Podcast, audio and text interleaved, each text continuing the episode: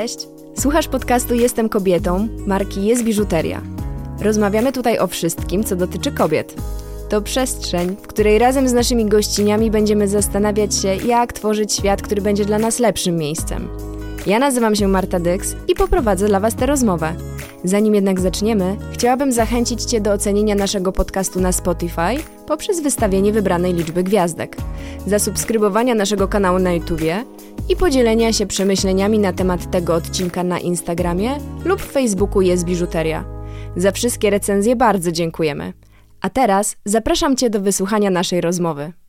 Prosto z bioder i brzucha. Ja dołączę w refrenie.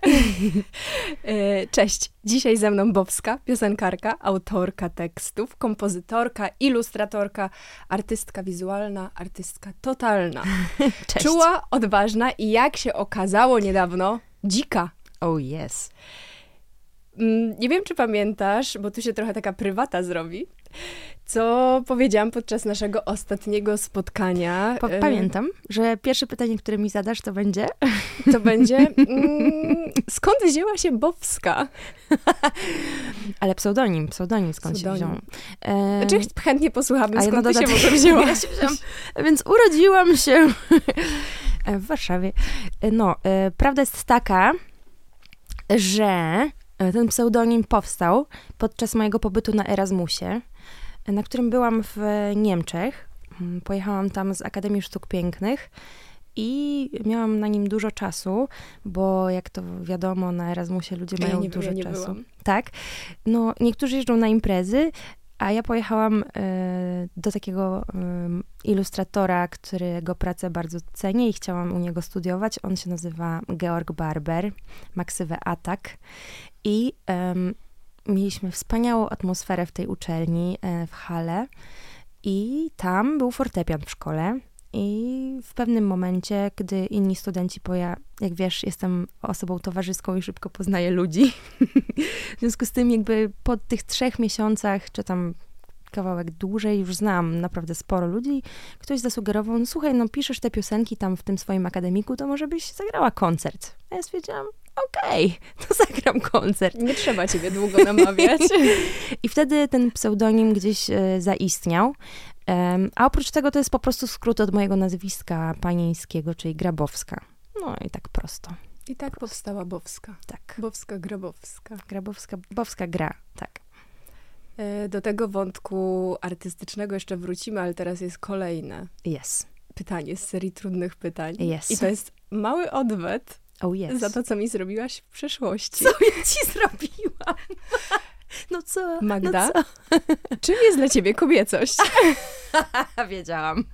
Wiedziałam, ale się nie przygotowywałam. Em, to jest bardzo trudne pytanie, Marta. Wow! E, To jest właśnie odpowiedź Marty z dokumentu naszego o kobiecości. Tyle miałam do powiedzenia. Było potem dużo więcej słów.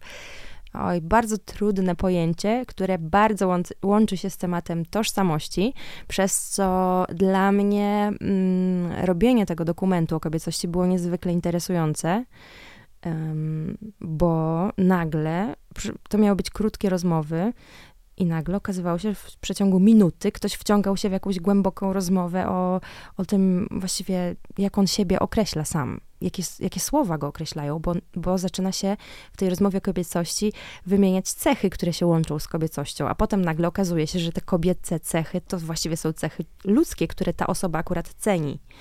Typu silna, czuła, delikatna, wrażliwa, zaradna, nie wiem, piękna, albo, albo z kolei inaczej, że w ogóle nie postrzega się. Mówię się, dlatego że ja jakby, ja mam chyba cząstkę, moje, moje pojęcie o kobiecości to jest, w każdej z tej wypowiedzi jest jakaś cząstka prawdy, którą ja też odbieram jako jakąś swoją prawdę. Na przykład to, że nie postrzegam ludzi w ogóle przez pryzmat płci, w tym sensie, że to nie jest dla mnie pierwsza em, cecha, która jest ważna w odbiorze drugiego człowieka. Y, I nie jest to w ogóle dla mnie ważne, y, na przykład kto z kim sypia, ym, czy to jest chłopak, czy dziewczyna, czy nie wiem, miks jakby jest mi, jest mi to jakby obojętne, bo najważniejsze jest co ten człowiek sobą reprezentuje, jakby jakie są jego ludzkie cechy, prawda? E, a z drugiej strony, jeszcze z trzeciej, kolejnej, czy tam piątej, dziesiątej, jest to, że my jednak ta kobiecość jest jakoś określona społecznie i musimy spełniać pewne role w tym społeczeństwie. No i tutaj już się robi, robi ciężko, schody już są schody, robi. bo jakby to jest takie bardzo wielowymiarowe. Um, bo są te role, które spełniasz w życiu yy, i idziesz jakąś ścieżką i chcąc, nie chcąc, nawet nie podejmując pewnych wyborów, je podejmujesz je, jakby rezygnując z pewnych ról.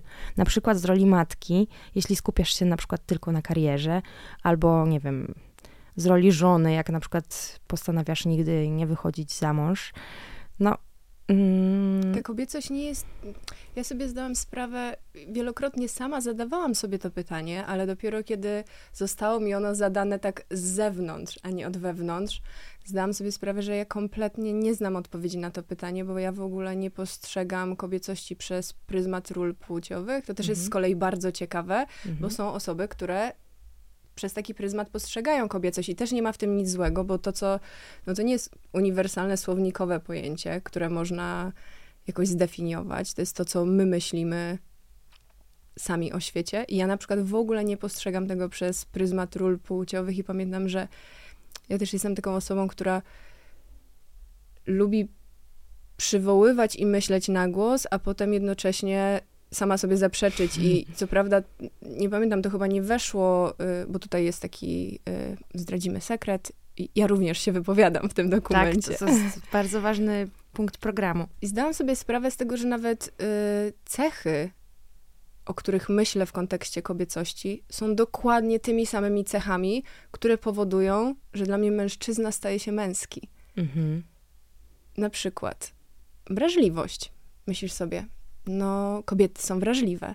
Ale w momencie, kiedy ta, ta cecha pojawia się u mężczyzny, to w moim mniemaniu, w moim postrzeganiu, ona jeszcze bardziej podkręca tę męskość. Opiekuńczość, no niby kobieca cecha, ale z drugiej strony mężczyzna, który ma, czy on nagle przestaje być męski? No nie, na Totalnie przykład w moim nie. mniemaniu on jest jeszcze bardziej męski. Tak. Więc nawet ciekawe. te cechy, które przypisujemy, one są różnie postrzegane i, i słuchajcie, też y, mam tutaj taki mały apel, bardzo chętnie y, dowiemy się, co wy myślicie o kobiecości. O co... właśnie, wasza definicja. Jakbyście miały jakoś określić dwoma, trzema zdaniami, to by było super. Albo dziesięcioma. Albo dziesięcioma, dokładnie. Z dokumentu wyszło ile? 200 minut nagrań.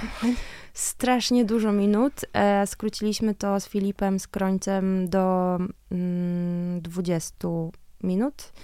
E, w sumie cały dokument ma 25 razem z tą końcówką z teledyskiem, więc no, wyłapaliśmy te takie momenty prawdy, te momenty niepokoju, jakiegoś takiego zastanowienia się, tego głębszego spojrzenia. Cieszę się, że mogliśmy to zrobić. Słuchajcie, dajcie nam znać w komentarzach, dajcie nam znać w komentarzach na social mediach czy pod YouTube'em. Też pojawia się taka opcja na Spotify'u, będzie Q&A z takim pytaniem. Bardzo chętnie przeczytamy i dowiemy się, co wy o tym myślicie, ponieważ tak jak rozmawiamy, no nie ma definicji. Tyle osób, tyle, tyle opcji, tyle ro, rozumienia tego pojęcia. A chciałam się dowiedzieć, bo finalnie w dokumencie yy, wziął udział 15 osób. Mówię o osobach wypowiadających się. Dobrze pamiętam? 17 albo 15, już nawet nie wiem. Za każdym razem mówię jakąś inną liczbę, żeby nie było, że zawsze naście. Na, na, naście, naście. naście osób. Yy, jakim kluczem ty dobierałaś te osoby? Bo to też jest bardzo ciekawe, że rozmawiamy tutaj o tym, że różne są definicje. Tak. Każdy z nas, każda z nas inaczej to postrzega, inaczej to rozumie. Ale ja, czy, czy był w ogóle jakikolwiek klucz? Kluczem był czas, na pewno, ograniczeniem dużym, bo mieliśmy, ten dokument powstawał w jakimś ekspresowym tempie. Um, ograniczał nas budżet i po prostu to, że premiera musiała się y, też teledysku, który był stworzony na bazie tego dokumentu, odbyć w odpowiednim momencie. Ale y, to było tak, że jak to wymyśliliśmy i Filip powiedział, no dobra, no co robimy, no to może najpierw zróbmy trzy dni i zobaczymy, co z tego będzie. I ja tak zrobiłam taki kalendarz i w, po prostu zaplanowałam, że mniej więcej co dwie godziny spotkamy się z kimś, co, albo co dwie i pół i tak y, kilka osób dziennie. I mm, no i zaczęłam dzwonić zwyczajnie do, do osób mi najbliższych, tak naprawdę, które gdzieś pomyślałam, mogłyby no, wnieść jakąś fajną narrację. Chyba zależało mi też na właśnie takich twórczych, przebojowych kobietach, które mają coś do powiedzenia. I też takich, które są mi bliskie, które jakoś cenię i szanuję. Tutaj jedna przede mną siedzi. Wrodzona skromność nie pozwala mi reagować. Rozumiem. No i... Um, jeszcze tylko się wtrącę, bo powiedziałaś o tym, że zrobiłaś sobie kalendarz i poprzewidywałaś po dwie osoby na, na oso- po dwie godziny na tak. osobę, a pamiętam, że nam sama rozmowa zajęła, sama rozmowa przed nagraniem, mhm. rozmowa telefoniczna już nam zajęła bardzo dużo czasu, więc ciekawe, czy w ogóle to wzięłaś pod uwagę rozpisując Nie, nie wzięłam kalendarz. tego pod uwagę, ale y, był to hardcore. Poza tym ten kalendarz nie był zapełniony i pierwszego dnia mieliśmy chyba, już nie pamiętam dokładnie, ale były dwie lub trzy osoby, a było jeszcze dwie brakujące i my y, tak jakby te osoby się objawiały po drodze. To było bardzo dziwne. Na przykład byliśmy y, na Powiślu i umówiliśmy się tam z Agą Konopką, y, choreografką. Y, Aga pracuje z ciałem na co dzień, z tancerzami, ma jakby takie mm, z ciała bardzo podejście do, bardzo, spe, bardzo jest taka też analityczna i filozoficzna w swoim myśleniu i bardzo mi zależało na jej wypowiedzi. Mm, I mm, no i spotkaliśmy się z nią na tym powiślu, a nasza dźwiękowczyni powiedziała: Słuchaj, tutaj niedaleko mieszka moja kuzynka. I może ona by była ciekawą bohaterką, bo wiesz, ona właśnie przyjechała ze Stanów, jest w ciąży, małe dziecko i postanowiła ze Stanów przeprowadzić się do Polski i tutaj zamieszkać na stałe ze swoim amerykańskim mężem. No, co za dziwny kontekst kto, kto wybiera mieszkanie w Polsce. Trzeba ją spytać o Dobrowolnie. um, więc um, nie, to był oczywiście żart. Polska to nie jest zły kraj do mieszkania, ale jednak jest to zaskakujące, jeśli ktoś całe życie mieszka w Stanach i postanawia przeprowadzić się do Polski. To jednak jest rzadsza y, droga. No tak cały się, czas że... żyjemy American Dream. Wydaje Trochę mi się, tak, że nie wiadomo, dokładnie. co tam na nas czeka. Tak, tak. No i y, to i po prostu ona się zgodziła i w przeciągu 15 minut znaleźliśmy się w jej mieszkaniu, y, zjedliśmy ciasto, wypiliśmy jakieś soki i porozmawialiśmy i w taki sposób, że mi, mieliśmy wszyscy po prostu łzę w oczach, bo to była taka niezwykła rozmowa, taka jakaś prawdziwa yy, i piękna, yy, więc yy, takie rzeczy nas spotykały na, na drodze. Tak objawiały powiem. się kobiety. Objawiały się, tak, ale no cieszę się, że zgodziły się takie wspaniałe osoby jak na przykład Orina Krajewska, czy właśnie Ola Niepsuj, czy Natalia Kopiszka, e, właśnie Aga Konopka, e, czy mm, Justyna Żałobowska, która jest z kolei jakby uprawia sport niesamowicie taki męski, więc jeszcze inna perspektywa, bo boks. Jest no też Sandra Frydrysiak, jest, tak? Czyli z tak. takim podejściem bardzo Właśnie, naukowo To jest wspaniała osoba e, i to nauk pozdrawiamy. naukowo... Tak, pozdrawiamy.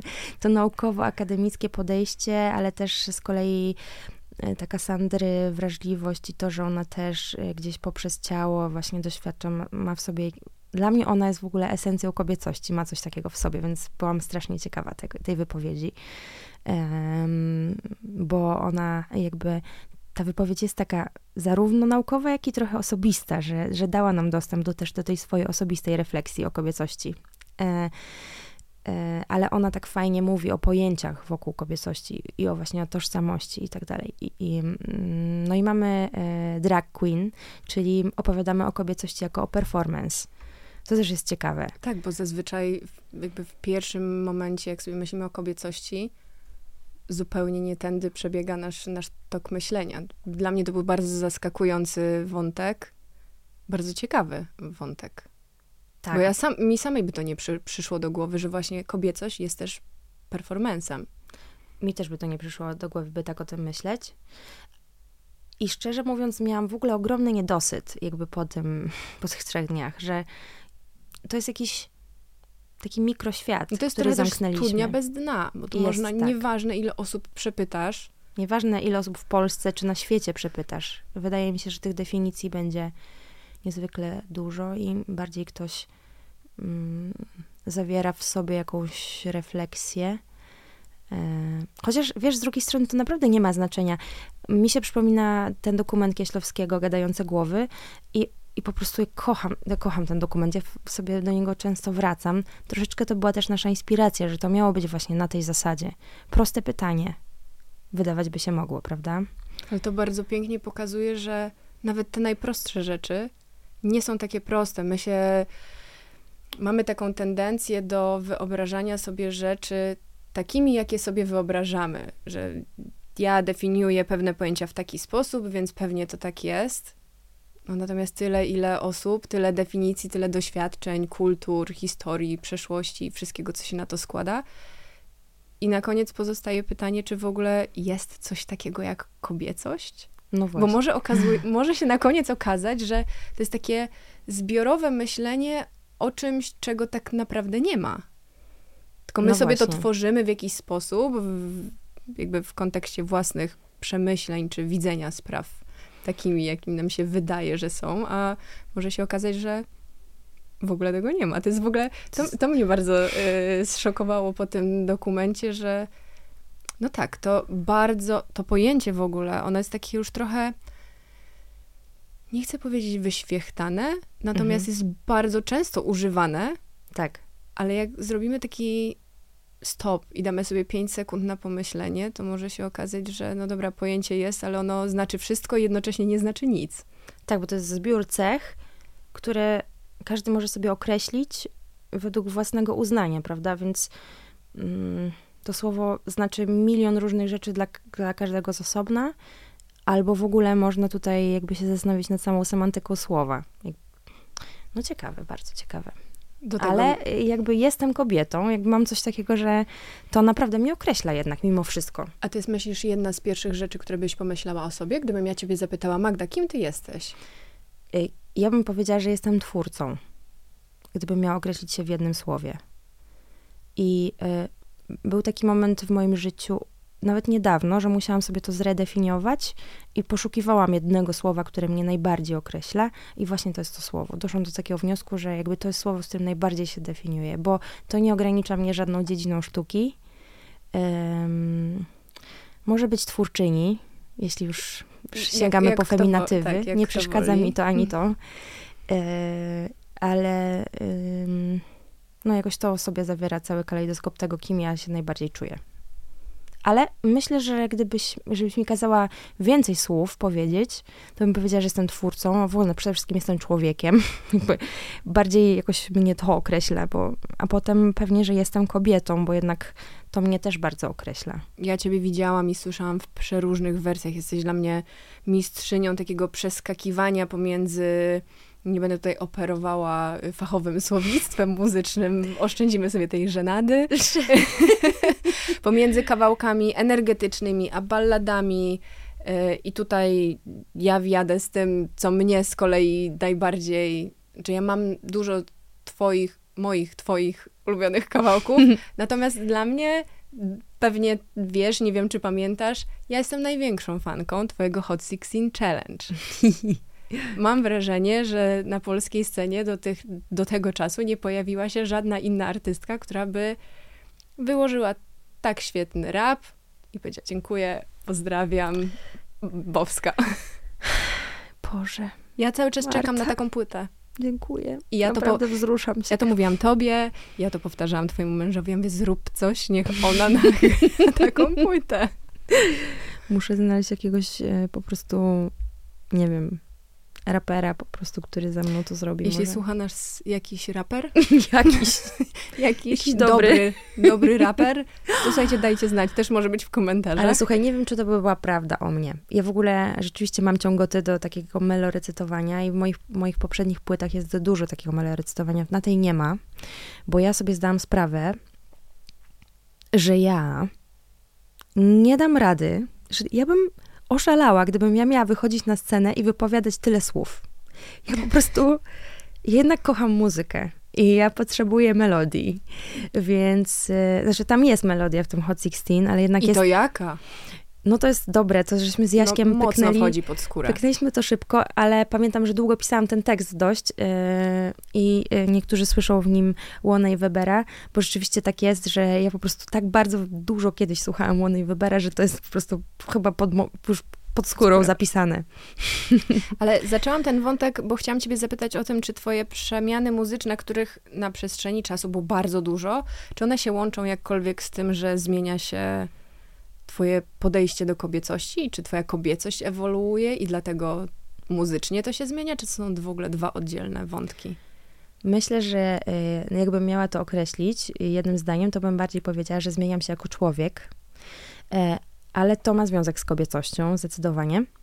I, i jeśli bym miała powiedzieć, dobra, mówię to po prostu, a nie tutaj zapowiadam, co Robimy to jest, to powiedziałabym, że przybyło mi odwagi. I ona się wzięła znowu z jakiejś niezgody i takiego wewnętrznego buntu na to, że ja zdałam sobie sprawę, że ja się boję mówić o rzeczach. Na przykład boję się mówić o in vitro i że, że ono mnie dotyczy, a to stanowi jakiś ogrom, wiesz, tematu w mojej głowie, yy, a on nie może istnieć na przykład w rozmowie takiej publicznej. No i mhm. teraz jak ktoś, mój odbiorca może zrozumieć mój szczery przekaz w tej piosence zawarty, w piosence są zawarte tak uniwersalnie, że on tego nie zrozumie, ale jakby czemu nie miałabym o tym opowiedzieć, stworzyć przestrzeni, by o tym mówić.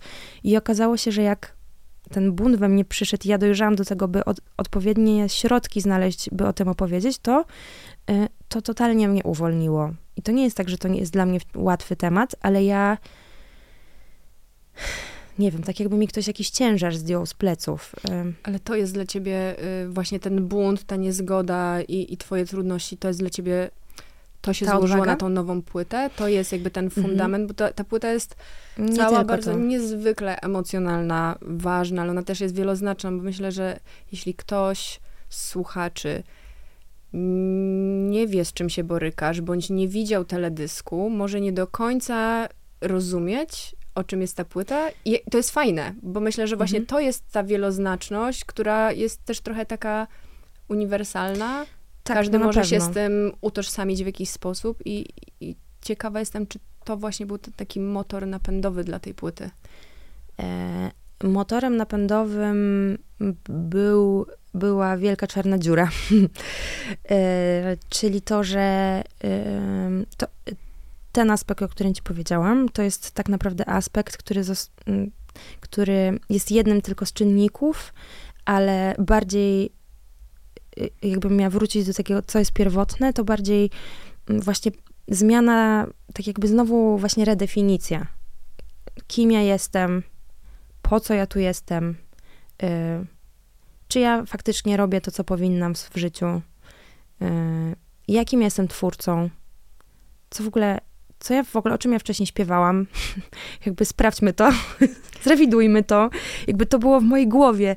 Taki jakiś o kaktusie miałam... śpiewałaś wcześniej. No śpiewałam o, o tym, że ja jestem jakaś, yy, że jestem jakaś niedopasowana, prawda? Że mam kaktusa na głowie i że nie dopuszczę do siebie jakiejś złej siły.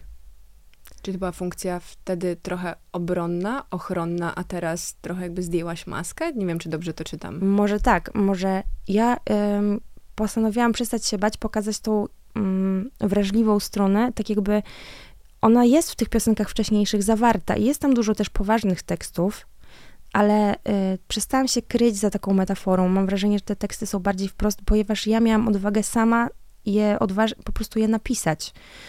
Ym, te teksty pisałam wcześniej, tylko może bym ich wcześniej nikomu nie pokazała albo nie zrobiła z nich piosenki.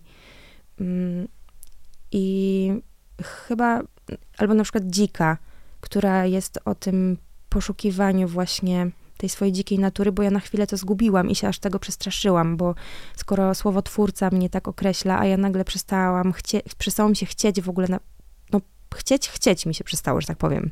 Przestało mi się chcieć tworzyć. I to było dla mnie, to był dla mnie moment najgorszego e, takiego doła. I, no tak, mm, jeśli określasz się przede wszystkim jako twórca. Tak to w momencie, kiedy tracisz ten element, to trochę jakby osuwał się w ogóle grunt spod nóg.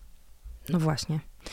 Więc mi się trochę osunął. Yy, I pamiętam ten moment, kiedy ja sobie tak chodziłam, spacerowałam z psem, oglądałam filmy, czytałam jakieś książki, czasem się z kimś spotkałam, ale to była pandemia, więc tylko na spacerach. Siedziałam w domu dużo, no bo wiadomo, obsesyjnie ćwiczyłam. No i, no i czas takiego jakiegoś wielkiego zmagania do tego stopnia, że mm, postanowiłam wybrać się i z kimś porozmawiać na ten temat. Z kimś spoza swojego środowiska, z taką psycholożką, która jest też coachem biznesu, więc ona była czym...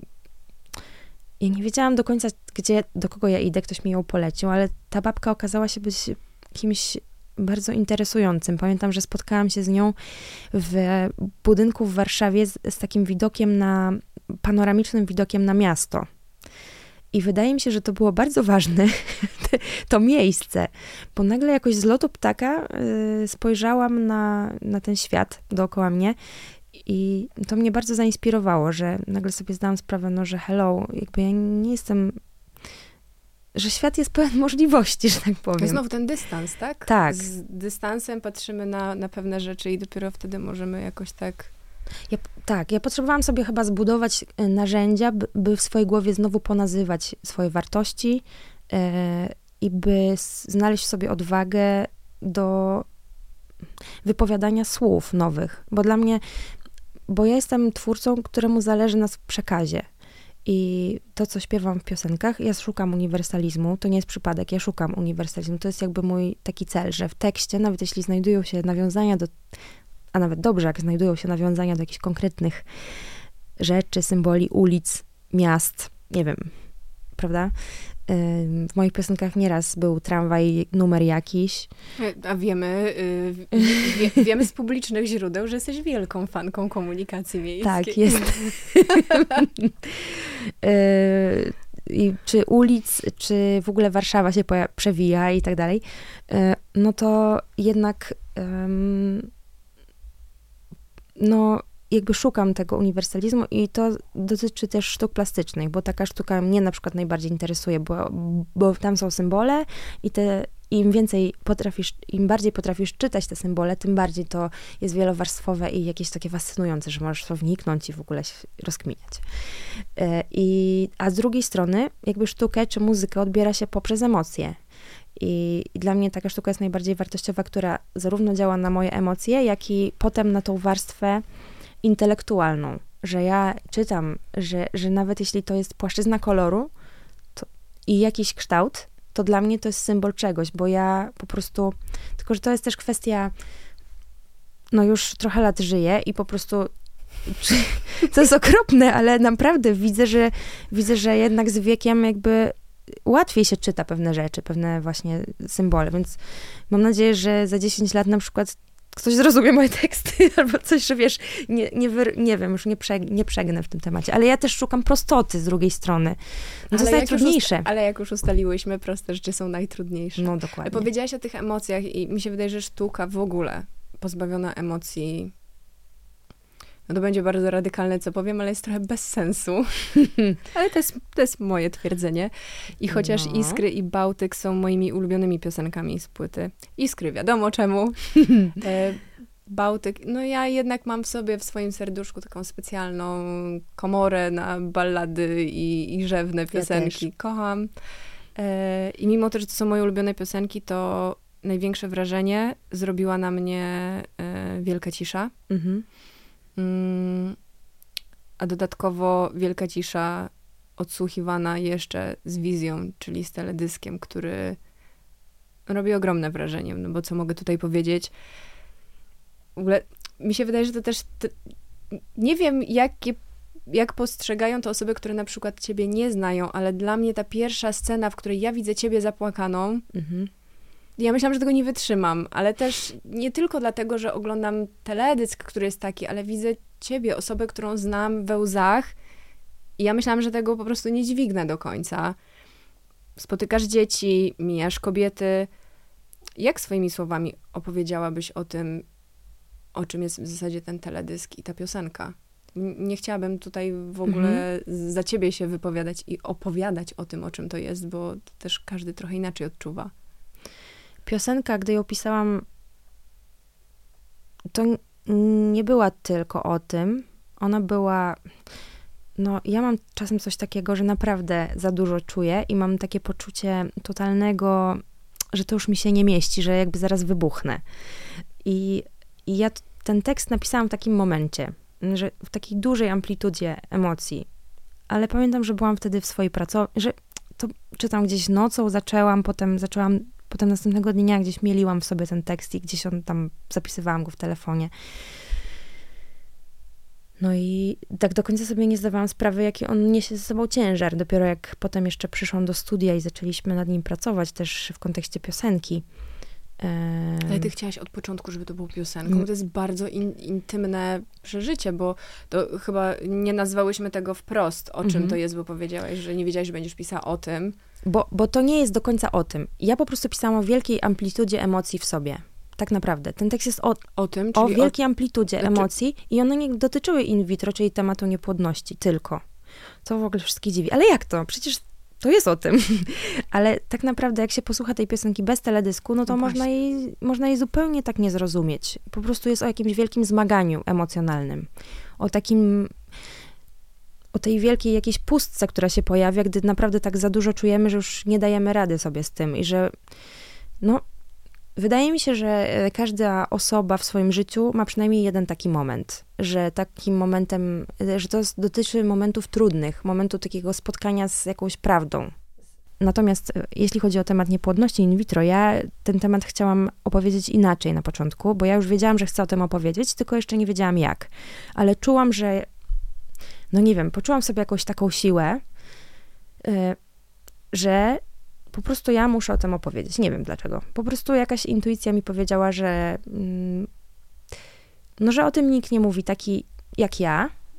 To znaczy, że... Czy tobie tego brakowało? Bardzo. Zanim ty zaczęłaś o tym mówić i byłaś jedną, no nadal jesteś jedną z tych osób, ale czy właśnie tego tobie brakowało, że nikt o tym nie mówi i, i nie ma jakiegoś takiego społecznego...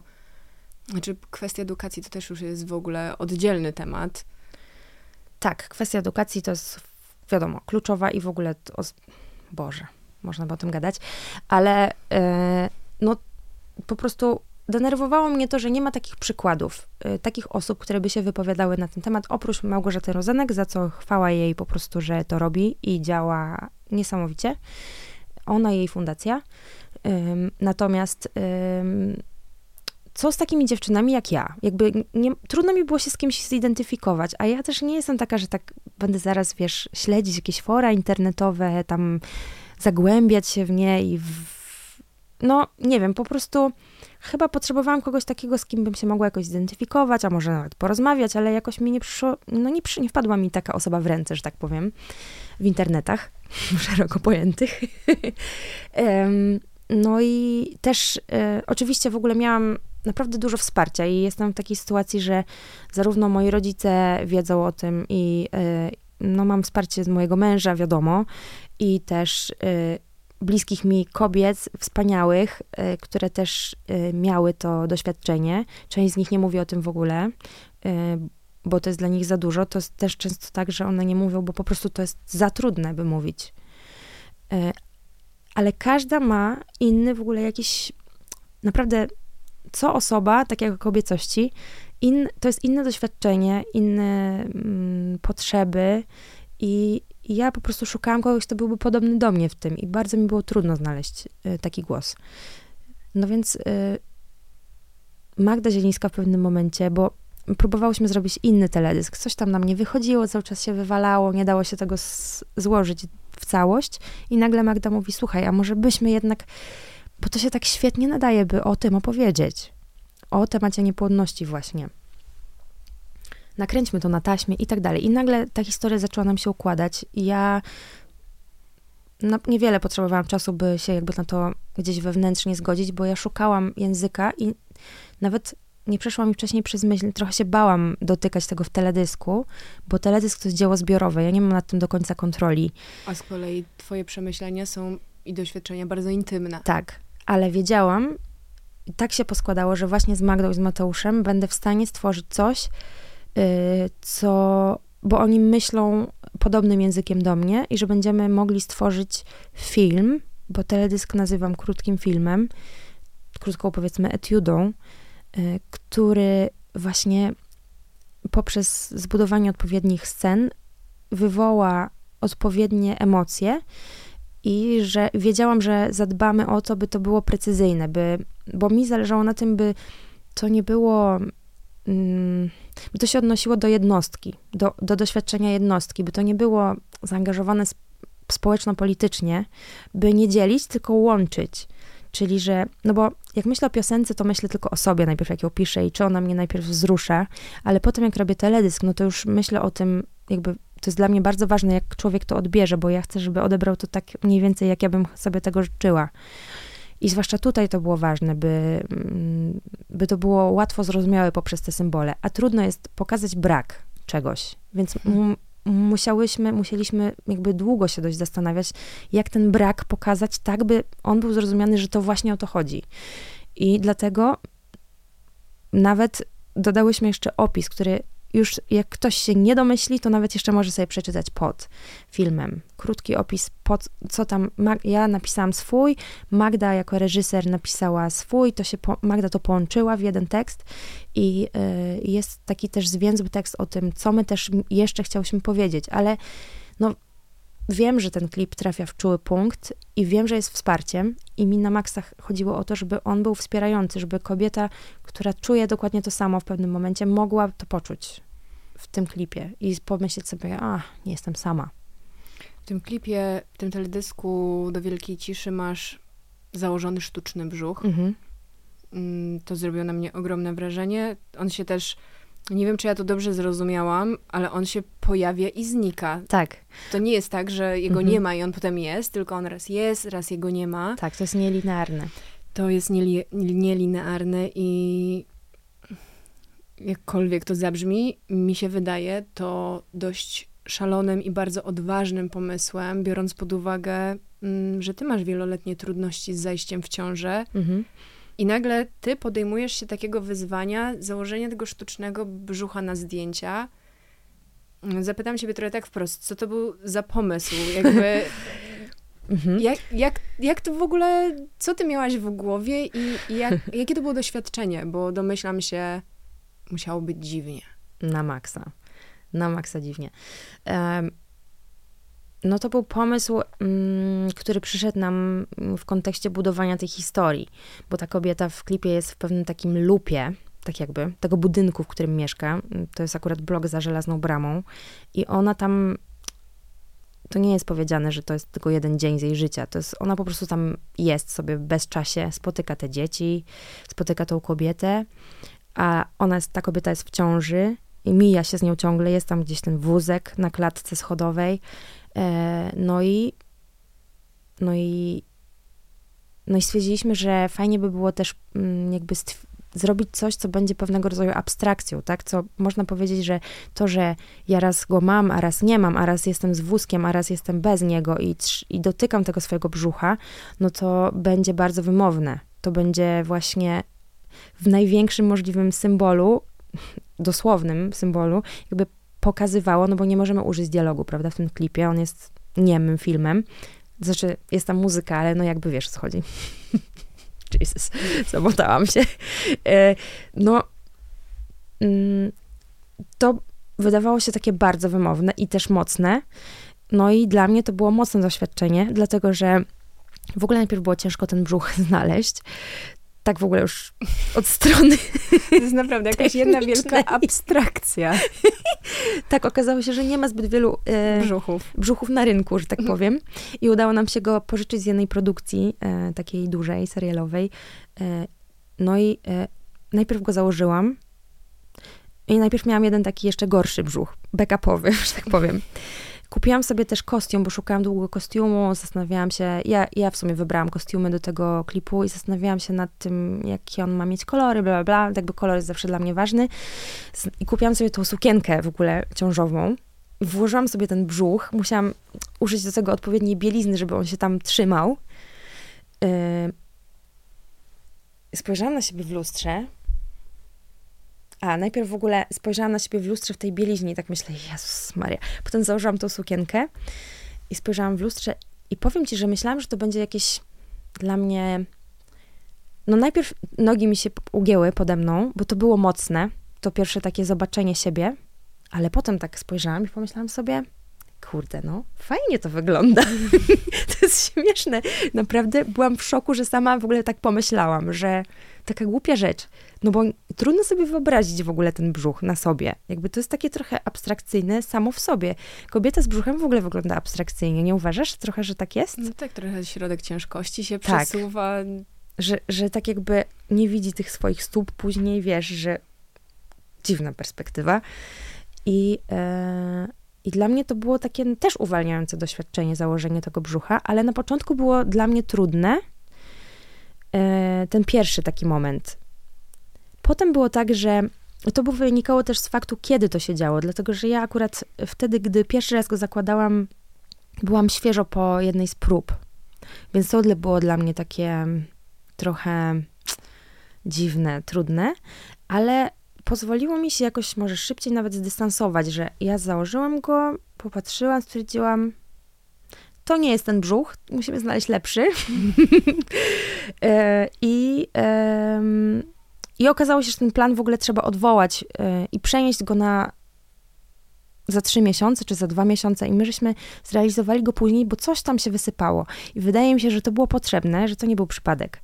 E, ten plan się musiał wysypać, dlatego że trzy miesiące później ja założyłam ten już lepszy brzuch i naprawdę spojrzałam na siebie z taką jakąś miłością, że pomyślałam sobie, że to jest mocne doświadczenie, które osobom takim jak ja, zapędzonym w życiu i takim pędzącym, po prostu zakręconym w tej swojej twórczości, że tak powiem, ja sobie, to mnie naprawdę zmusiło do zatrzymania i pomyślenia sobie, to mogłabym być ja że to daje to taką jakoś takie realne poczucie, że to jest, że to mogłoby być prawdziwe, a mi jest tak trudno w to uwierzyć, bo tak długo mi się nie udaje.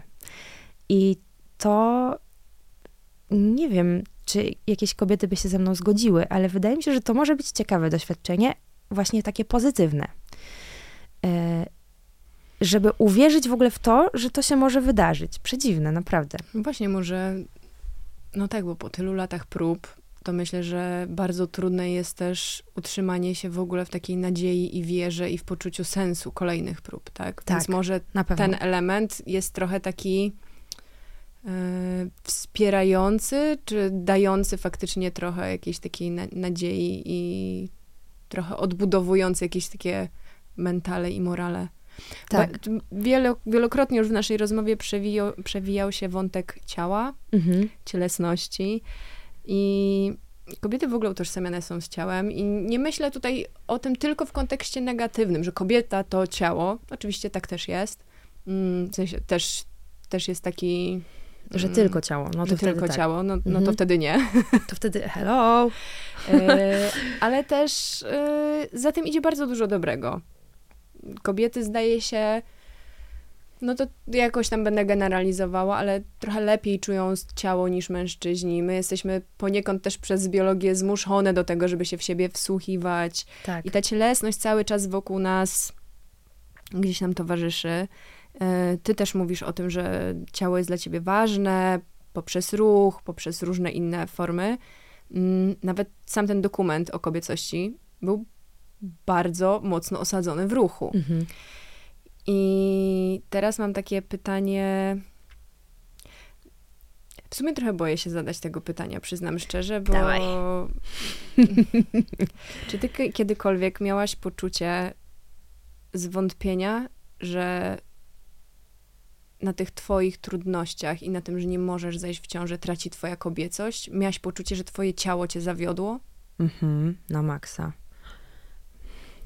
E, bo, my, bo żyjemy w świecie, gdzie wydaje nam się, że mamy nad wszystkim kontrolę. I ja przynajmniej żyję w takim świecie. To jest, ja sobie go stworzyłam i to jest mój po prostu skontrolowany świat, że tutaj jest to, to, to, ja sobie świetnie ze wszystkim radzę i jakby mam wszystko pod kontrolą. Podczas gdy okazuje się, że to jest absolutnie po prostu jakaś bzdura. I nawet w ogóle, no to wiesz, ja mówię o tym też z poczuciem humoru, bo wydaje mi się, że jakby fajnie jest mieć poczucie humoru i jakby mówić o tych trudnych rzeczach z lekkością, ale... Tak, to nadaje też takiej normalności. Dokładnie. To jest trudne. Tak. Śmierć też jest trudna. Różne inne historie są trudne, ale faktycznie myślę, że i nie mówimy o tym, że należy się z tego śmiać i żartować. Tak. Ale no, nadanie takiej lekkości może też być bardzo wspierające i pomocne. No właśnie, bo to sprawia, że można o tym mówić. Um, ale totalnie, totalnie miałam poczucie w ogóle takiego oddzielenia tego ciała od, ode mnie i też takiego, że ja, czy przez to, że nie mogę mieć na przykład dziecka, to czy, czy ja da, jestem w pełni kobietą, jakby nie mam tej funkcji, czy, to, czy ja w pełni jakby, no, nie wiem, to jest jakieś niesamowite, ale jednak, wiesz, no, biologia stworzyła nas, jesteśmy tak stworzeni, jesteśmy stworzone też do tego, między innymi, by dać nowe życie. No więc skoro nie zrobię tego w życiu na przykład, jest taka szansa, że to, to, się nie, nie, wydarzy. I to nie dlatego, że świadomie podejmujesz taką decyzję, tylko, tylko dla... dlatego, że coś nie zadziałało tak, jakbyśmy sobie tego tak, życzyli. no to to sprawia, że jestem w jakiś sposób ułomna, prawda? Yy, że czegoś mi brakuje, że jestem jakaś wybrakowana. I to naprawdę pojawia się, i wydaje mi się, że pojawia się w głowie każdej kobiety, która się z tym zmaga. Tak jak pojawia się w głowie każdej osoby, która zmaga się na przykład z jakąś chorobą. Yy, że dlaczego akurat mnie to spotkało, wiesz, to. Yy, ale też i, I na przykład dla mnie to było trudne, mm, że potem też to ciało w tym procesie leczenia jest tak, y, że, że ono jest poddawane procedurze, w związku z tym y, musisz, mm, nie wiem, brać zastrzyki w dużych ilościach, że ja nie potrafiłam o tym myśleć na początku pozytywnie, tylko jakoś mnie to stresowało potwornie, a to w ogóle to było złe, dlatego że to nie jest dobre, dlatego że to w ogóle nie wspierało mnie. Ja, ja sama byłam sobie wrogiem w tym na początku. E, I potem miałam przerwę od leczenia i potem wróciłam do niego i mm, z, po tej swojej przemianie z taką myślą, że przecież to jest też tak, że wszystko w życiu przemija, że ten moment tego leczenia najbardziej intensywnego, on też przemija i że to tak naprawdę ode mnie zależy, jak ja się w tym ciele będę czuć i że to ja jemu będę odpuszczać temu ciału.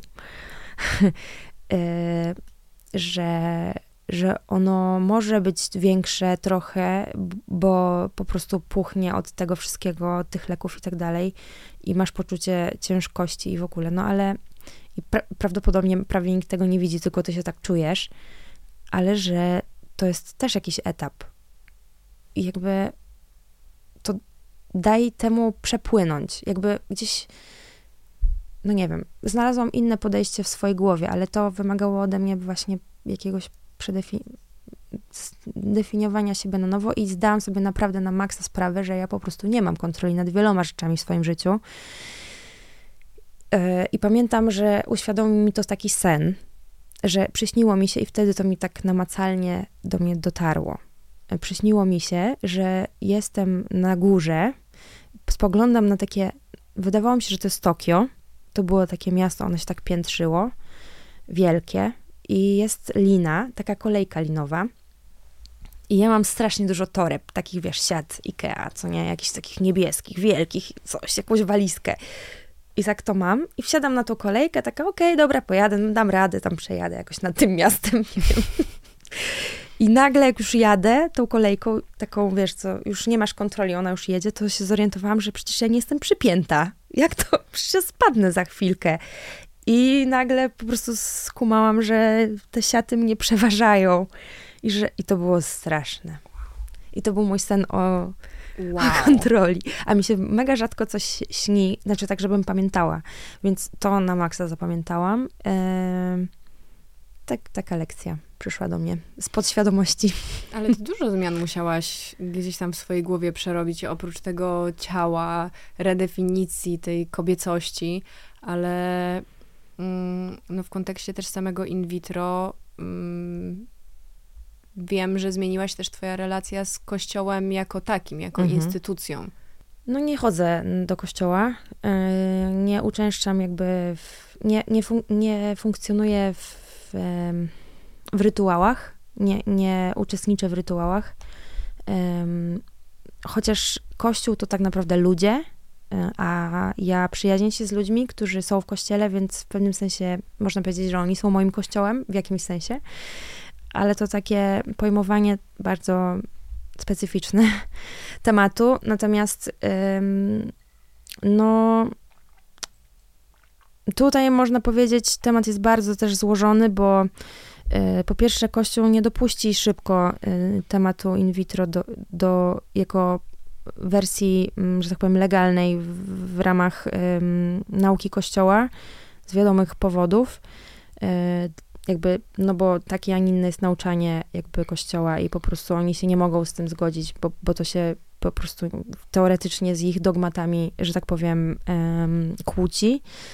Um, wiem, że są w kościele ludzie, którzy mimo to są i w kościele, i zajmują się, i jakby na przykład robią in vitro i potrafią zaakceptować ten dualizm. Wydaje mi się, że jednak temat jakby w ogóle płodności y, to jest temat no, bardzo uniwersalny dla nas wszystkich, więc ta edukacja seksualna podstawowa przydałaby się dość jakby, żeby ją można było wdrożyć w szkołach. I wydaje mi się, że naprawdę jak ktoś jest w liceum, nie wiem, w ostatnich klasach liceum, to jest po prostu już osobą, która mogłaby naprawdę dobrze wiedzieć, o co, o co kaman. E, I między innymi również wiedzieć, oprócz tego na przykład, jakie są metody antykoncepcji, to żeby znała też metody, co to jest, co to jest in vitro, mm, bo wydaje mi się, że jednak warto by po prostu mieć tylko tą podstawową wiedzę. Tym bardziej, że no dobra, nieważne, nie wnikajmy w to. Natomiast wydaje mi się, że jest e, to po prostu, ja traktuję to jako metodę leczenia, która e, jest jednym z naprawdę, jest ostatecznym rozwiązaniem, po które sięga para, która nie może mieć dzieci, a która chce je mieć. Jest to rozwiązanie ostateczne, bo naprawdę lekarze nie rozdają tego tak. Jest to bardzo droga metoda leczenia, y, nie każdego na nią stać, nie jest refundowana, jest wspierana przez niektóre mm, miejskie, mm, przez chyba siedem polskich miast na ten moment y, jeśli dobrze, jeśli się nie mylę.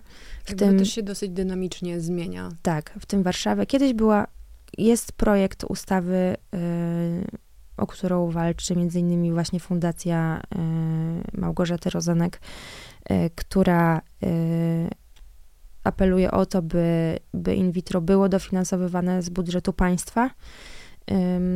No, oby się udało, bo projekt został podpisany przez odpowiednią ilość osób, by to trafiło wyżej dalej. Nie wiem, jaki będzie wynik, ale można się spodziewać. No, ale jakby to jest walka e, z wiatrakami, ale mam nadzieję, że kiedyś, e, jak coś się zmieni, to i to się zmieni. Natomiast a propos kościoła, bo od tego też zaczęłaś jeszcze to pytanie, e, ja mam tak, że to chyba była już taka ostateczna rzecz, która mnie na tej szali gdzieś no, przechyliła w inną stronę i i ta moja relacja z Kościołem zawsze była taka, że ona nie była i potem ona była, intensywna, to było mi potrzebne, potem, a potem znowu była intensywna i teraz jest taka, jaka jest i gdzieś, e, szczerze mówiąc, czuję się uwolniona. Czuję, że jestem, że nie mam takiej ramy, która sprawia, że się czegoś boję powiedzieć. E, mam większą wolność, a ta wolność jest dla mnie bardzo ważna. Jeszcze mm, chciałam w sumie zahaczyć o ten wątek, bo mówiłaś trochę o, trochę dużo, w zasadzie koszty y, leczenia są duże, mhm. ale to nie są jedyne koszty. Koszty, hmm, koszta. tak. No z tym wiąże się o wiele więcej niż bardzo duże pieniądze. No tak. I, i to są koszta y, dwóch osób z osobna, ale też wspólne, związkowe. Tak, bo, bo jest... na tym pewnie w jakiś sposób, no nie zakładam, ale domyślam się, w jaki sposób cierpi związek. Bardzo to jest trudne dla relacji, dlatego że mm, z jednej strony jakby to dotyczy pary, z drugiej strony większość, e, większa część procedury spada na kobietę, to znaczy to po prostu dotyczy rzeczy, które dzieją się na twoim organizmie, e, więc musisz e, pilnować tego, by znaleźć się w odpowiednim miejscu w tej klinice, w odpowiednim czasie, żeby zrobić takie takie badania nie możesz być lekko duchem i zapominać brać lekarstw, tylko musisz mieć po prostu pełną listę i precyzyjnie rozpisaną i brać te rzeczy jak należy, żeby potem nie mieć wyrzutów sumienia, że tyle pieniędzy poszło w błoto, bo nie zrobiłam sobie albo nie wzięłam jakiegoś leku, wiesz. To jest, takie, to jest taki dziwny schis na przykład. Um, trzeba, trudno jest w ogóle skupić się wtedy też na przykład na pracy. Mm, często wyklucza się pracę taką fizyczną w tym okresie, zwłaszcza w części tego procesu, y, co może być bardzo ograniczające zawodowo dla niektórych osób. Dla mnie na przykład trochę jest, bo jednak na przykład granie koncertów to jest granie koncertów łączy się, z tym, że nie tylko się wychodzi na scenę na ten koncert, ale jakby łączy się z tym, że się jedzie na ten koncert, ma się próbę, coś tam się nosi, potem się wraca, jakby śpi się mało i to wszystko nie sprzyja. A też wiemy, że jesteś bardzo ruchliwą osobą. Jestem ruchliwą osobą. Więc to też wymaga całkiem sporej kondycji fizycznej. tak. A w związku, właśnie w związku z tym również sporty intensywne też nie są wskazane, więc trzeba sobie jakoś znaleźć swoją odpowiednią drogę i, i nikt ci nie powie, co będzie dla ciebie dobre. Najlepiej ci zakażą tego, tego ruchu, tylko ci powiedział, żeby, żebyś spacerowała, ale tak naprawdę, jeśli ktoś, no, wszystko jest na twoją odpowiedzialność, no bo to dotyczy ciebie i tak naprawdę nikt ci nie powie, co jest dla ciebie najlepsze, poza tym, że ci powie, jakie leki ma brać i trzeba też w pewnym momencie zaufać lekarzowi, prawda? I jakby stosować się do tego. Plus, no, często jednak odwiedzasz ten ginekologiczny fotel.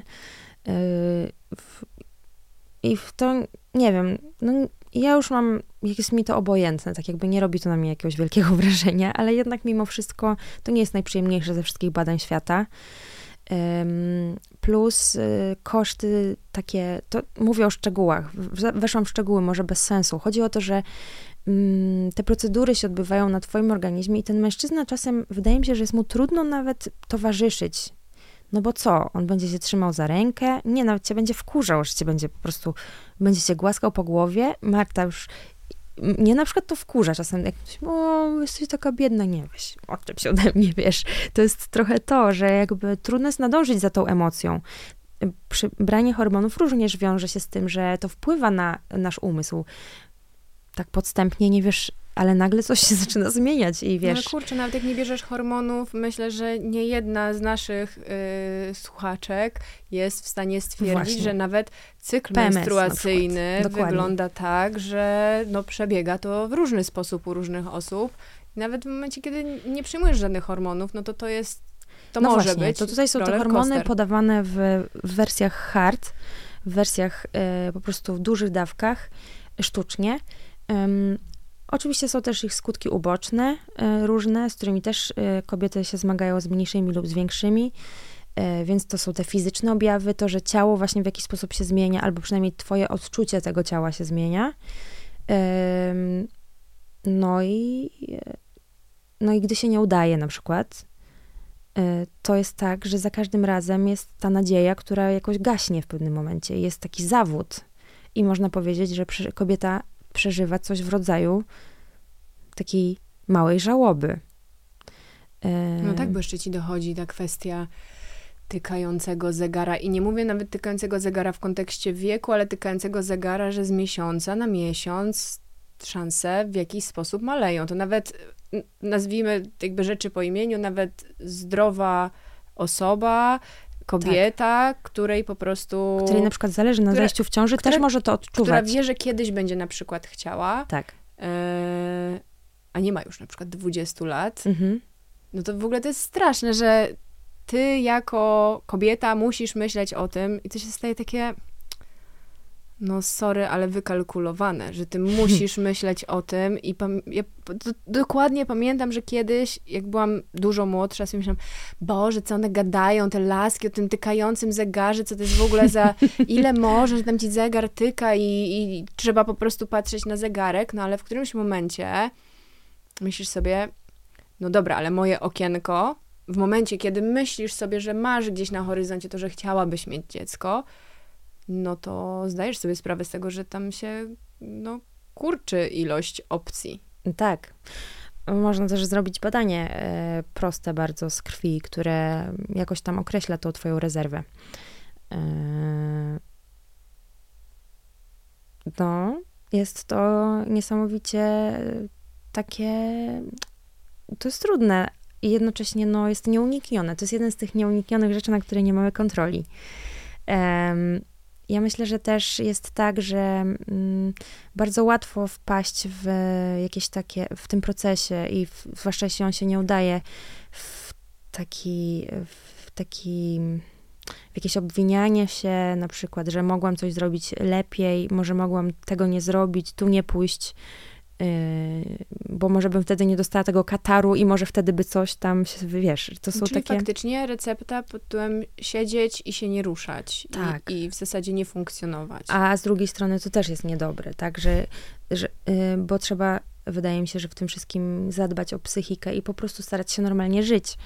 Yy, i, I to jest najtrudniejsze, by, by zaufać na tyle sobie, by jakby zaakceptować to, że te wszystkie rzeczy się dzieją z tobą i to po prostu tak dać temu przepływać i akceptować, że to się dzieje i, i czekać, co się wydarzy, bo to już nie jest zależne od ciebie w pewnym momencie, na pewnym etapie. Natomiast zawsze się to łączy z jakąś decyzją, z rezygnacją z czegoś, może z jakiegoś celu zawodowego, na przykład mniejszego lub większego, no i łączy się też z tym, że, że być może wszystkie te wysiłki, e, które na przykład są wielotygodniowe albo wielomiesięczne, one ostatecznie mm, strzezną na niczym, że tak powiem, czyli że to się może nie udać. I na przykład dla mnie budującym jest fakt, że ktoś powie mi, dobra, może się udać albo nie. Tak jakby no tak, że ktoś cię nie czaruje, nie Że nie, nie mówi, na pewno ci się uda, nie się martw uda. się, na pewno się uda. Jak słyszę, na pewno się uda, to sobie myślę, na pewno to ja umrę. Naprawdę, to jest jakby... Tyle wiemy wszyscy, tak. Tak, że nie lubię tego takiego pozytywnego nastawiania mnie. Ja właśnie, dla mnie pozytywne bardziej nastawienie jest takie, że może się udać, to będzie fajnie, może się nie udać, będę musiała to zaakceptować. Już to zaakceptowałaś? W sensie ciężko mi mówić tak. o tym, czy zaakceptowałaś już coś, co jeszcze się de facto nie wydarzyło, no bo to nie jest zamknięty nie. temat, ale czy masz w swojej głowie już jakąś taką akceptację dla takiej opcji? Tak. Y, myślę, że gdybym jej nie miała, to bym nie mogła o tym opowiadać tak, aż tak, że jakoś, bo wiesz, ja lubię swoje życie po prostu i um, wydaje mi się, że mogę tak żyć, że no po prostu ono będzie inne. I że Albo... czegoś nie doświadczę, doświadczę innych rzeczy za to, których ktoś inny nie doświadczy, że to jest jednak jakiś wybór po prostu i że mm, może będę próbować i się uda, a może po prostu, wiesz, y, będę próbować i się nie uda. A może nie będę próbować, nie wiem, no po prostu jakby zobaczymy, co będzie, tak? Jakby jest we mnie gdzieś taka myśl, że jednak chcę próbować jeszcze, I, e, ale na przykład teraz świadomie tego nie robię, no bo nie byłabym w stanie pogodzić tego z wydawaniem płyty. Z tym, co się wydarzyło niedawno, czyli właśnie, że wyszła dzika. No to, to jest w ogóle absolutnie nie do połączenia. I hmm. musiałabym wybrać. Mogłabym nie wydać płyty i na przykład zajmować się tym. Gdzie wcale też nie jest powiedziane, że jakikolwiek mm, no, rezultat miałabyś z takich starań, więc no, to musi być strasznie trudne, kiedy no, faktycznie poświęcasz czemuś absolutnie wszystko, od emocji po kwestie fizyczne, cielesne. W związku też na pewno jest trudniej. I to wszystko ładujesz w coś, w co możesz tak naprawdę koniec końców wie, po prostu tylko wierzyć. Tak. No bo no tak. nikt ci nie obieca. To nie jest inwestycja, która daje ci pewną stopę zwrotu. To prawda. No i jeszcze ta kwestia, co, którą poruszyłaś a propos relacji, że oprócz tego, że mężczyźnie jest trudno nadążyć w pewnym sensie za tym, co się dzieje z tą kobietą w procesie, mm, to też yy, wydaje mi się, że dla mężczyzn to, to, jest też trudne w inny sposób, ale to też jest dla nich trudne. Oczywiście czasem temat yy, niepłodności dotyczy mężczyzny i wtedy to jest jeszcze inna kwestia. Yy, natomiast yy, są też mężczyźni, którzy na przykład bardzo chcą mieć dzieci, bardzo o, tym, o tym marzą i dla nich, ale jakby to jest już w ogóle jeszcze inne. Ja nie wiem, co oni przeżywają tak do końca, ale wydaje mi się, że o tym to się już w ogóle nie mówi. Teraz jak rozmawiamy o, mm, o tych trudnościach w związku, to chciałabym tak płynnie przejść do kwestii języka, ale nadal zostać w tym temacie wątkowym. Mhm. Mm, tak jak wcześniej już wspomniałam, uwielbiam to, jak posługujesz się językiem i sama piszesz swoje teksty, wyrażasz się przez nie. Bałtyk ma bardzo piękny, delikatny, ale jednocześnie mocny tekst. Ja pozwolę sobie tutaj. A może ty byś przeczytała? Dobrze. Nie będę tutaj się kusiła. Mówię o tym fragmencie. Od jak drzewo? E, cisza. cisza. Cisza budzi gniew, tym milczeniem nie dobijasz. A tutaj są różne wersy. Nie wiem, jak rozmawiać z tobą, byś usłyszał mnie. Jak drzewo rodzę się na nowo, w cyklu przemian trwam. Chwile jak przebłyski, kiedy otwierasz się. Tak. Wybrałaś osobne wersy. Wybrałam osobne mhm. wersy, yy, nie na darmo, ponieważ pytanie moje będzie dotyczyło tego, ja w zasadzie to powinnam twojego męża o to zapytać, a nie ciebie. Ale ty obserwujesz ludzi, podsłuchujesz ludzi, piszesz z serca i jednocześnie mówisz też dość odważnie o tym, że to jest to, co czujesz, to jest to, co myślisz i doświadczasz. No i mam, masz taki tekst, mamy my taki tekst. No dobra, ale jakby co, co z twym, twoim mężem? Jak się żyje w ogóle z artystką? Co jakby on przychodzi do ciebie i mówi, słuchaj Magda, ale ty do mnie tak? Ty o mnie no tak? powiem ci, że jak e, posłuchał Bałtyku e, w samochodzie któregoś wieczora, to powiedział, ale to chyba nie jest o nas, co nie? A ja powiedziałam, no nie wiem, a jak e, myślisz? Domyśl się. no wiesz... Czy to jest sfera, której w ogóle nie tykacie? Czy i to jest jakby e- twoje i ty się z tego nie tłumaczysz? Czy to, jest ja bardzo, to jest bardzo ciekawy temat. Czy to jest jak fikcja literacka, że my jako odbiorcy myślimy, no fikcja, fikcja, no ale może jednak coś tam jest na rzeczy. Mi się wydaje, że... Znaczy, no powiem, no ciekawie mnie tutaj wzięłaś. um, Trzeba by było spytać Grześka, to na pewno, ale mm, ja na szczęście żyję w związku, gdzie mam totalną wolność, jeśli chodzi o te teksty. To znaczy, ja nie czuję w ogóle jakiejś presji. I w ogóle się tym za bardzo nie przejmuję, co on sobie pomyśli o tym tekście. Nawet jeśli on wynika z jakiegoś, powiedzmy, mojego. Bo wiesz, z tekstami to jest tak, że. że Właśnie nie wiem, powiedz. To mi. już ci mówię. U mnie to jest tak no nie wiem, przeżywasz coś, nie możesz się dogadać, szlak cię trafia, myślisz sobie, o Boże, to już koniec świata. Wiesz, są takie momenty.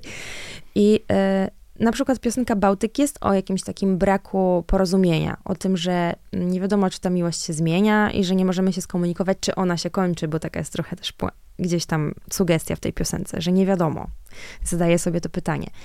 E, I to jest tak, że nie wiem, no mi się wydaje, że każdy z nas przeżywa coś takiego w relacjach, ale to są jakieś tam momenty, a ja mam tak, że ten moment wyciągam, po czym jakby go opowiadam. I, i on się staje w jakiś sposób o tym, tylko o tym. Ale to jest za, zaledwie wycinek jakiegoś, jakiejś rzeczywistości. Więc w pewnym sensie to te wszystkie teksty w jakiś sposób są o mnie, tylko że nie do końca są o mnie, bo ja nie jestem ani tym, ani tym, ani tym, tylko jakimś zbiorem tego wszystkiego. Kiedyś Björk chyba powiedziała coś takiego, że, yy, że z płytą i z muzyką to jest tak, że budzisz się rano i w ogóle wszystko cię boli, więc wtedy byś zaśpiewał, bo po prostu na, zeszłego dnia byłaś na imprezie i masz kaca i tego, i wtedy byś na przykład napisała jakąś powolną piosenkę o takim trwaniu na przykład, a potem idziesz i świeci piękne słońce i nagle jesteś szczęśliwa i to jest taki moment szczęścia i wtedy powstałaby ta radosna piosenka, bo czujesz wiatr na twarzy i po prostu słońce, które cię ogrzewa, wiesz. I że idąc tym tropem, że jeden dzień to jest taki kalejdoskop różnych y, po prostu przeżyć. I tak jest trochę z piosenkami. Y, tak ja myślę, że mm, że one właśnie są takimi wycinkami. Więc jeśli chodzi o Grześka e, i mojego męża właśnie e, w jednym, e, to on ma tak, że on gdzieś akceptuje to, że ja piszę te rzeczy i on jakoś tak nie bierze ich do siebie. Mm. I on wydaje mi psycha. Tak, on jest mocny, no. Na koniec, ostatni, może mogę być cytat w kontekście piosenki, mhm. fragment. Już się spadać nie boję, chociaż może mnie znów zaboleć. Z mojego, z mojej ulubionej piosenki. E, ten fragment Iskier jest bar, dla mnie bardzo ważny. To jest w ogóle mój, moje ulubione zdanie, mhm. bo ono pokazuje odwagę gotowość i świadomość tego, że może nie być łatwo, ale. Ale co? Ale hmm. można dalej starać się, ro robić, starać się żyć, robić, stawiać czoła i mieć świadomość tego, że nie, nie będzie łatwo, ale czy warto? No pewnie warto. Czy ty w taki sposób o tym myślisz i przede wszystkim, czy ty myślisz o tym w kategoriach tego, że ty też jesteś gotowa na to spadanie, mimo że może zaboleć? No, jestem na nie gotowa. Znaczy, nie. Nie jestem na nie gotowa, ale wiem, że to nastąpi. Zawsze następuje i bo życie to jest. Życie jest tylko jedno. I ja po prostu chciałabym je przeżyć tak, żeby jak dożyję starości, to móc sobie pomyśleć, ach, to było życie. było bardzo okej. Okay. I to nie chodzi o to, że ja muszę mieć, nie wiem, miliony podróży. Oczywiście podróże są wspaniałe i, i, to jest jeden z takich, jedna z takich rzeczy, które chciałabym robić ich więcej, bo mnie to są bezcenne, to jest po prostu bezcenne rzeczy, które zostają na zawsze w człowieku, ale um, te trudne momenty będą mi w życiu spotykać i, i przez to, że już doświadczyłam różnych trudnych w życiu momentów, to tym bardziej chcę jakoś starać się te, te swoje dni w, sens, w sensownie przeżywać i nie bać się tego, że coś, coś się wydarzy, bo i tak się wydarzy i nie mam nad tym kontroli. I też ten wers. To trochę jak ten sen ze spadaniem. Tak. I to ten... w ogóle on się wziął z tego, bo teraz tak sobie pomyślałam, że to nie, w ogóle chyba nie. totalnie Chociaż jest może, nie. Może to, może trochę tak, nie wiem. To już e, chyba moja podświadomość tu zadziałała. I potem ja tam śpiewam, wiem, że jestem bezpieczna, miękka, ciepła i lekka e, w tym ruchu, jakby też. E, I tak pomyślałam sobie, że no cokolwiek by się nie działo, nie wiem, w jakiejkolwiek najgorszej dupie bym się w życiu znalazła, Y, na końcu świata nawet, to zawsze mam, mogę sobie zaufać w jakiś sposób, bo siebie znam i jakby gdzieś mm, to poczucie takiej bycia blisko też siebie, to jest zawarte też w tym tekście. Mm, ale nie takie me, myself and I, takie, że takie, wiesz, z, takiego, z takiej pozycji takiego wielkiego ego, nie takie, tylko takie no po prostu, że no jestem sobie i że jak, nie umiem nawet tego jestem dobrze określić sobie i tak sobie żyję. Tak. I, I, tak chcę sobie przeżyć życie. Tak i widzisz, ja na przykład na, naprawdę bardzo cenię na przykład to, że możemy usiąść i się spotkać i na przykład uważam, że jednym z bardziej wartościowych rzeczy, jakie mnie w życiu spotykają, to są rozmowy z ludźmi. I to, że ja spotykam niesamowitych ludzi, którzy są partnerami do rozmów i jakie to jest wspaniałe, że w ogóle, wiesz, może nastąpić taka wymiana. Albo, no, że czegoś mogę doświadczyć niesamowitego. Nie wiem, jakoś staram się gdzieś, no nie, doceniać te momenty, że ale no wiesz, no będzie bolało. Jakby w ogóle proces twórczy jest bardzo bolesny.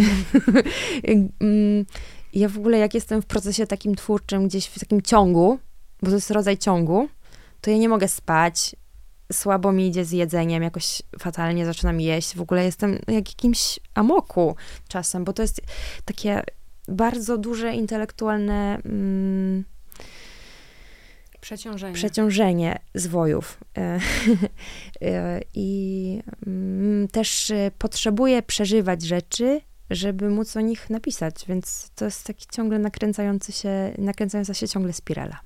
Bardzo Ci dziękuję za rozmowę. Ja Tobie Ja też. mam nadzieję, w kontekście całej tej naszej rozmowy i tych wszystkich zmian i redefiniowania pojęć, że będzie nam dane spotkać się, i nie prywatnie, bo to wiem, że będzie nam dane nie jeden raz, ale też spotkać się na jakimś takim mm, forum publicznym, tak to nazwijmy, i wrócić do tych pytań. O, to by było wspaniałe. Wrócić do tych pytań i zobaczyć, co to się przez na przykład 10 lat wydarzyło. Deal? Deal. To był odcinek podcastu Jestem kobietą marki Jest Biżuteria. Dziękujemy, że jesteś z nami. Zostaw swoją opinię o odcinku na naszym profilu na Facebooku lub Instagramie i wystaw recenzję na Spotify. Do usłyszenia!